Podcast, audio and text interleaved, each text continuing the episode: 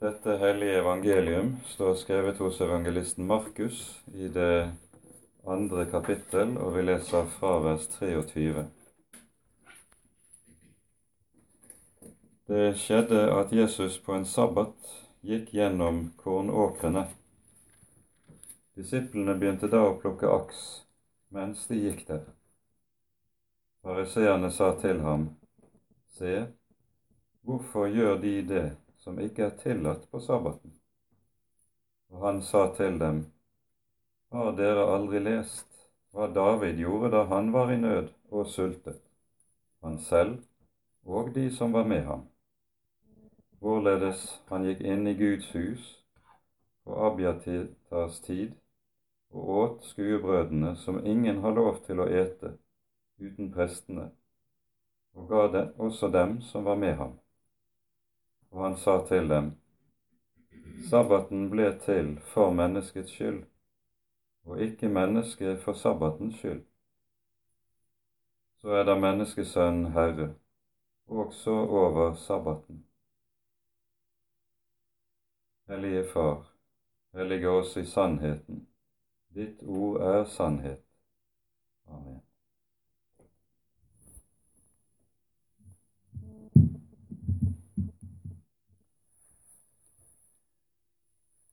Det er en særegenhet en del av det vi leser i evangeliene, at Jesu sammenstøt med fariseerne skjer svært, svært ofte på sabbaten. Dette er jo ikke tilfeldig, fordi, eh, for det første fordi sabbaten har, spiller den rollen som den gjør i fariseernes framhetsliv og også i den senere jødedoms fromhetsliv. Sabbaten er en av hovedmarkørene som gir det jødiske folk dets identitet som Guds folk. Og Derfor ble sabbats, sabbaten og sabbatslovgivningen egnet meget nøye om av fariseerne. Og alt som kunne på en eller annen måte sette spørsmålstegn selv ved det minste bud, ble slått meget hardt ned på. Derfor hører vi jo også at uh, fariseerne uh, Dette hører vi i kapittelet som følger i det tredje kapittelet i Markusevangeliet, der Jesus er i synagogen på en sabbat og helbreder en syk mann. Dette er noe som også blir fordømt fra deres hold. Og en rekke lignende eh, begivenheter husker dere alle sammen fra evangeliene. Sabbatslovgivningen var allerede på Jesu tid meget sterkt utbygget. Det var listet opp hele 39 forskjellige typer arbeid som var forbudt eh, å utføre. Til dette hørte også det å høske, høste og å treske. Så når disiplene plukker noen aks når de går gjennom en kornåker, så faller det under loven om forbud mot å høste og å treske.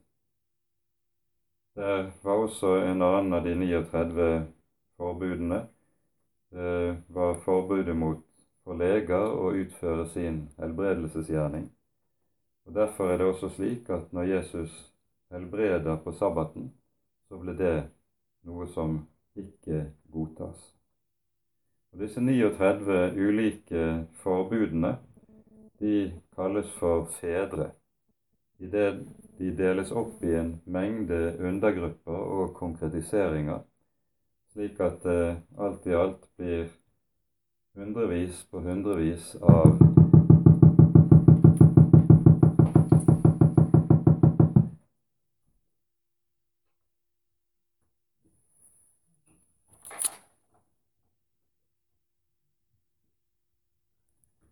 Vi må oppgi han her. Han er like håpløs som vi er.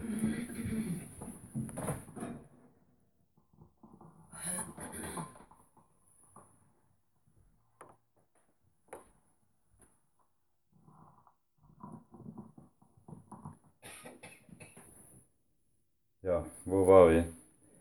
Ehm, det blir totalt hundreder på hundreder av slike og forbud som til sammen utgjør sabbatslovgivningen. Og eh, dette hører alt sammen til det som da kalles for fedrenes forskrifter, som vi var inne på i går aftes. Den tradisjon som eh, eh, hørte til den muntlige lovgivning, og som eh, etter fariseernes overbevisning også var gitt på Sinai. Jesus godtar altså ikke dette som autoritativt. Og Derfor så blir sabbaten nettopp et av de punktene der man får stadig kollisjoner mellom den Herre Jesus og fariseerne. Det som ligger på et dypere nivå under dette, det er jo at med det som kalles for fedrenes forskrifter, så har man med det å gjøre som vi kaller for tradisjon. Og Tradisjoner, det kan være så mangt. Tradisjonene, det kan bestå av menneskebud, som blir noe som legges til Guds bud og kan binde mennesker. Og Det ser ut til at mennesker i fromhetslivet gjennom alle tider har hatt en stadig tendens til nettopp dette, å ville legge noe til Guds bud. Og så får man tradisjoner som i og for seg ikke har grunnlag i Guds ord, men som er uttrykk for et velment forsøk på å ta ordet på alvor. Og Disse tradisjonene, disse menneskebudene, de kan skifte fra tid til tid og fra åndsretning til åndsretning. Men felles for det alt sammen så er det menneskelige bud. Tradisjoner kan være av det gode. De kan være en stor velsignelse men tradisjoner kan også bli en forbannelse, noe som er menneskebud som binder. Til menneskelige tradisjoner som vi kan regne som en stor velsignelse, hører f.eks. det at vi har trosbekjennelsen. Den apostoliske trosbekjennelsen som vi jo bekjenner hver søndag under gudstjenesten, som vi bekjenner i forbindelse med barnedåpen, den er jo ikke noe som står uttrykkelig i Den hellige skrift. Det er en sammenfatning av Skriftens budskap som er gjort av fedrene, og som vi holder fast på fordi det er vi ser på dette som et rett og sant uttrykk for det vi lærer i Guds ord. Det er en tradisjon at vi holder fast på det. Det er også en tradisjon at vi feirer søndagen som helligdag i stedet for sabbaten. Paulus skriver i Kolosserbrevet at vi er ikke bundet i slike ting som har med helligdager, med nymåner og sabbater å gjøre. Det hører til den kristne frihet. Og når den kristne kirke ser dagens lys, så blir det en allmenn enighet om at vi skal samles og feire den dagen Jesus sto opp fra de døde, som en helligdag. Det er en menneskelig tradisjon. Den er ikke påbudt i Guds ord, og vi er frie i forhold til det. Vi kunne i og for seg utmerket godt ha feiret sabbaten eller torsdagen for den saks skyld. Men vi er blitt enige om det, og så er alle kristne sammen om dette at det er søndagen vi kan komme sammen om Guds ord. Sånn kan vi liste opp en hel rekke ting som er gode tradisjoner som er til gagn å holde fast ved. Vi er menneskelige bud, og vi står i prinsippet fritt i forhold til dem, men vi er blitt enige om disse tingene og holder fast ved det fordi vi ser at dette er noe som er gagnlig for menigheten. Andre ting som kan utvikle seg av tradisjoner, kan være skadelig. Jeg husker et av mine første presteår i, som prest i Domkirken, og vi nettopp hadde denne prekenteksten her, så nevnte jeg under preken nærmest i forbifarten det forbudet som uh, har vært uh, i ganske mange sammenhenger mot å strikke på helligdagen. Det, og etter gudstjenesten kom det et par eldre kvinner bort til meg og uh, sa at dette hadde vært en svær ting for dem å komme til rette med. De hadde stadig dårlig samvittighet for nettopp at de av og til tok frem strikketøyet på søndagen. For poenget er jo, når det gjelder helligdagsbudet, slik som vi lærer det i Skriften, det er ikke forbud mot tusen og én forskjellige ting og gjerninger som mennesket skal gjøre. Poenget med helligdagen er noe helt annet. Poenget er det som Luther sier i sin forklaring til det tredje bud i Lille katekisme. Og hva sies det der? Vi skal frykte og elske Gud, så vi ikke forakter samlingen om Guds ord, men gjerne hører ordet og akter det for hellig. Altså, poenget med at Gud har gitt oss hviledagen, er at vi med den skal ha en mulighet til å komme sammen med Guds folk, høre Guds ord, og ved ordet bli gjenstand for Guds eget arbeid. Og Dette er jo noe av det som er det helt grunnleggende i det Bibelen lærer oss. At Guds ord, det er Guds arbeidsredskap. Når Gud vil ha noe gjort, så taler han. Han sender ut sitt ord. Ordet er et virkekraftig ord. Og ved ordet utfører Gud sin gjerning i våre liv, i våre hjerter, på en slik måte at han helliger oss ved Ordet. Dette har vi mange vitnesbyrd om i Skriften. I Hebreabrevets tolvte kapittel så sies det Guds ord er levende og virkekraftig, og det trenger igjennom inntil det kløver sjel og ånd og led, ledemot og marg, og dømmer hjertets tanker og råd. Jesus sier i Johannesevangeliet det er Ånden som gjør levende, kjødet gagner intet. De ord jeg har talt til dere, er ånd og er liv. Og Legg merke til Jesus sier ikke at ordene handler om ånd og liv. Han sier at ordene er ånd og er liv. Med andre ord, det å ta imot disse ord det er å ta imot Den hellige ånd. Det å ta imot disse ord, det er å få del i det evige liv som rekkes oss i og med og gjennom Ordet. For Ordet er et levende og virkekraftig ord.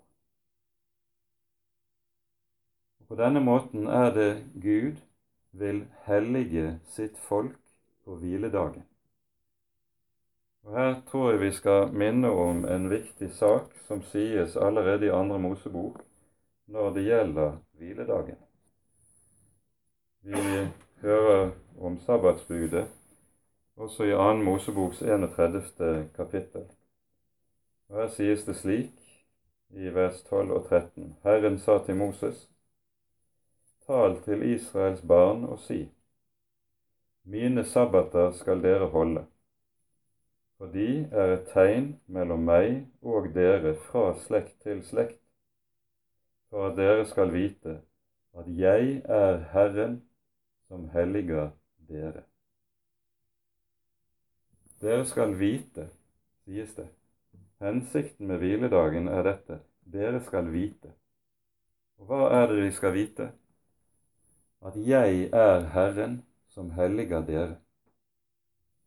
Det som jo var fariseernes overbevisning, var at de tenkte som så bare vi oppfyller loven, så blir vi hellige. Tankegangen var den at mennesket var i stand til å hellige seg selv gjennom å oppfylle loven. det Gud sier om sabbatsdagen her, er han har gitt dem sabbatdagen, som er en dag hvor mennesket skal hvile. Mennesket legger ned sitt arbeid og hviler, og så trer Gud i virksomhet og sier 'Jeg er Herren som helliger dere'. Og Så er det en dyp symbolikk i dette at når mennesket hviler, da helliger Gud. Og Dette er jo evangeliet. For det er jo en hovedsak i det vi lærer i Den hellige skrift, at vi nettopp ikke kan hellige oss selv. Den gamle Adam er for sterk. Det gamle mennesket i oss er av en slik art at vi er ut, hjelpeløst ute av stand til å hellige oss selv. Det er den hellige Gud som helliger oss, og det gjør han ved evangeliet. Det gjør han ved budskapet om sin sønn. Og Når vi hører ordet om korset, så blir vi gjenstand for Guds egen gjerning og Guds egen helligende virksomhet i våre hjerter. Derfor er det Paulus kan si ved innledningen til romerbrevet evangeliet er en Guds kraft. En Guds kraft til frelse for hver den som tror. Men nettopp her er det at vi altså står overfor det avgjørende bruddet i forholdet mellom den Herre Jesus og fariseerne. Fariseerne tenker det er ved loven og ved å oppfylle loven at vi blir hellige mennesker. Jesus lærer noe ganske annet. Vi kan ikke hellige oss selv, men Han helliger oss gjennom å gi oss og skjenke oss evangeliet. Dette blir det avgjørende kollisjonspunktet mellom den Herre Jesus og fariseerne, og så blir sabbaten like som en sånn brennpunkt eller fokuseringspunkt for noe av dette. Det betyr for vårt vedkommende at hva innebærer det å holde en rett hviledag i Guds menighet? Det er å komme sammen der Guds ord blir forkynt, der den kristne menighet samles til gudstjeneste. Det er å holde en hellig hviledag. For da slipper Herren til med sitt ord, så sant ordet virkelig lyder iblant oss. Og så har Han gitt sitt løfte. Du skal vite at jeg er Herren som helliger dere. Når det er slik, så forstår vi at vi nettopp er inne i noe av den hemmelighet som evangeliet lærer oss, og som handler om at det å være et Guds barn, det er å være fri fra loven. Det er prinsipielt å være fri fra alle menneskebud. Vi skal lyde Gud, ikke mennesker. Og vi kan da nok ha menneskebud som kan være til gang, men vi skal vite prinsipielt så står vi fritt i forhold til det. Og lar vi menneskebud få gal plass, så vil det bli trellebindende og være noe som skaper menneskefrykt. Det vet vi. Hvor en del av disse tilleggsbudene har kommet inn i kristenheten, så ser vi ofte at kristne mennesker vokter seg for hverandre. De ser 'tenk om noen får vite at jeg ikke gjør sånn som skikken er, som tradisjonen er, osv. Og, og så får menneskefrykten rom i stedet. Dette er noe en kristen skal få være fri fra. Men friheten fra loven går langt dypere. Friheten fra loven består i dette at jeg vet at loven kan ikke gjøre meg rettferdig for Gud. Loven kan ikke gjøre meg hellig for Gud. Til det er loven maktesløs. Det er noe helt annet som kan hellige meg og rettferdiggjøre meg det er budskapet om Guds sønn og hans gjerning.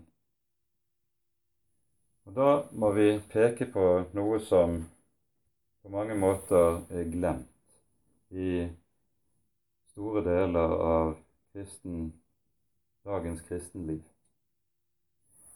Jeg tror vi kanskje skal lese fra Romerbrevets femte kapittel for å peke på hva det dreier seg om. Her taler, taler Herrens apostel om hva det er som rettferdiggjør og frelser et menneske. Vi leser fra vers 18 og fra vers 19. Like som en manns overtredelse ble til fordømmelse for alle mennesker, slik blir også en manns rettferdige gjerning til livsens rettferdiggjørelse for alle mennesker. Og like som de mange ble stilt frem som syndere ved det ene menneskets ulydighet, så skal også de mange stilles frem som rettferdige ved den enes lydighet. Det som er poenget i dette skriftavsnittet, det er at apostelen stiller opp for våre øyne to personer som er de to sentralpersonene i menneskehetens historie. Dette er Adam, og det er Kristus.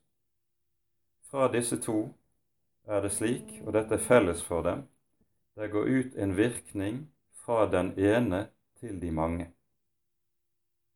Men den virkning som går ut fra dem, den er stikk motsatt.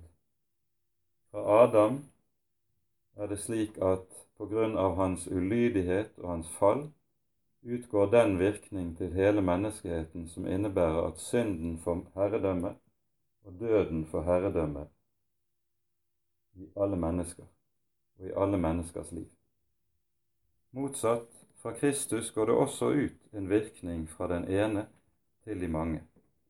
Og Vi kan godt si det slik at her gjelder de tre musketerer sitt valgspråk. Én for alle, alle for én. Og så sies det de mange skal bli rettferdige ved den enes lydighet. Hva er Kristi lydighet? Hva handler den om? Når de ortodokse fedre skal utlegge dette, så sier de at Kristi lydighet det er en dobbelt lydighet. Det er det de kaller for en passiv lydighet og en aktiv lydighet som det annet. Kristi passive lydighet, hva er det? Det er den lydighet som Jesus viser når han lider og dør på korset for vår skyld. Da er Jesus selv ikke aktivt handlende, han er passivt lidende. Han ber i Getsemane Skje meg som du vil, Fader, ikke som jeg vil. Og så lider han for vår skyld og i vårt sted. Jesus er lydig i ditt og i mitt sted og bærer på denne måten hele lovens dom over synden, hele lovens dom på sitt legeme for din og min skyld. Jesus er vår stedfortreder når han lider døden på korset. Én for alle, alle for én. Slik at når han dør, så er det for at jeg skal leve. Når han bærer Guds vrede, så er det for at jeg skal få del i Guds nåde. Det er Kristi passive lydighet. Men hva er Kristi aktive lydighet? Det handler om alt det den Herre Jesus selv gjør det hører med til en avgjørende side ved frelseskjensgjerningene. Det er at Jesus oppfyller hele Guds lov og derfor er syndfri. Jesus faller aldri i noen synd. Jesus bryter aldri noe Guds bud. Aldri. Han bryter med fedrenes forskrifter, men han bryter ikke sabbatsbudet. Av og til du kan høre prester si det at Jesus bryter sabbatsbudet. Det er ikke riktig. Han bryter aldri budet. Han oppfyller alle Guds bud til punkt og til prikke. Så er poenget her at også denne Jesu aktive lydighet gjelder på våre vegne. Når han oppfyller hele Guds lov, så er det i ditt og i mitt sted, slik at Jesu lovoppfyllelse blir din og min eiendom. Dette er en del av selve frelsesverket, som altfor ofte blir glemt. Og I dette ligger det en veldig trøst, fordi det jo dermed kan holdes frem for deg og meg i vår skrøpelighet. Når vi faller og snubler, så kan jeg si ærlig og redelig jeg har falt, det er sant, men Jesus har ikke falt, og det gjelder for meg. Jeg har syndet, det er sant, men Jesus har ikke syndet, og det gjelder for meg. Hele Jesus syndfrihet er min eiendom. Hele Jesu lovoppfyllelse er min. Og Da aner vi litt mer av hva det vil si å være fri fra loven. I det hemmeligheten jo er den som kommer like som billedlig til uttrykk når Jesus gripes i Getsemane. Jesus blir bundet. Bundet for at du og jeg skal bli frie. Jesus gikk under loven for at du og jeg skal være fri fra loven. Og så lærer Skriften oss dette forunderlige paradoks, at det bare er den som er fri fra loven, som kan bli hellig for Gud. Fordi han da får en hellighet som ikke er laget av ham selv, men han får del i en hellighet som er skapt og gitt av Guds egen sønn til oss. Dette er evangeliet. Og Så aner vi litt mer av hva det vil si, dette som lød i sabbatsforskriften i annen Mosebok. Dere skal vite at jeg er Herren som helliger dere. Når Jesus sier så er da menneskesønnen herre over sabbaten, så knytter dette dypest sett an til dette ordet i annen Mosebok. Han er den Herren som helliger oss. Og med det har en kristen fred. Med det kan en kristen hvile i hva Jesus har gjort. Og han er min hellighet. Han er min rettferdighet. Han er min forløsning. Han er min visdom. I ham har jeg alt jeg overhodet trenger for å ha med den levende Gud å gjøre. I ham har jeg alt jeg trenger, både for dette liv og for det som kommer. Ære være Faderen og Sønnen og Den hellige ånd som var og er og være skal, en sann Gud, høylovet i evighet. Amen.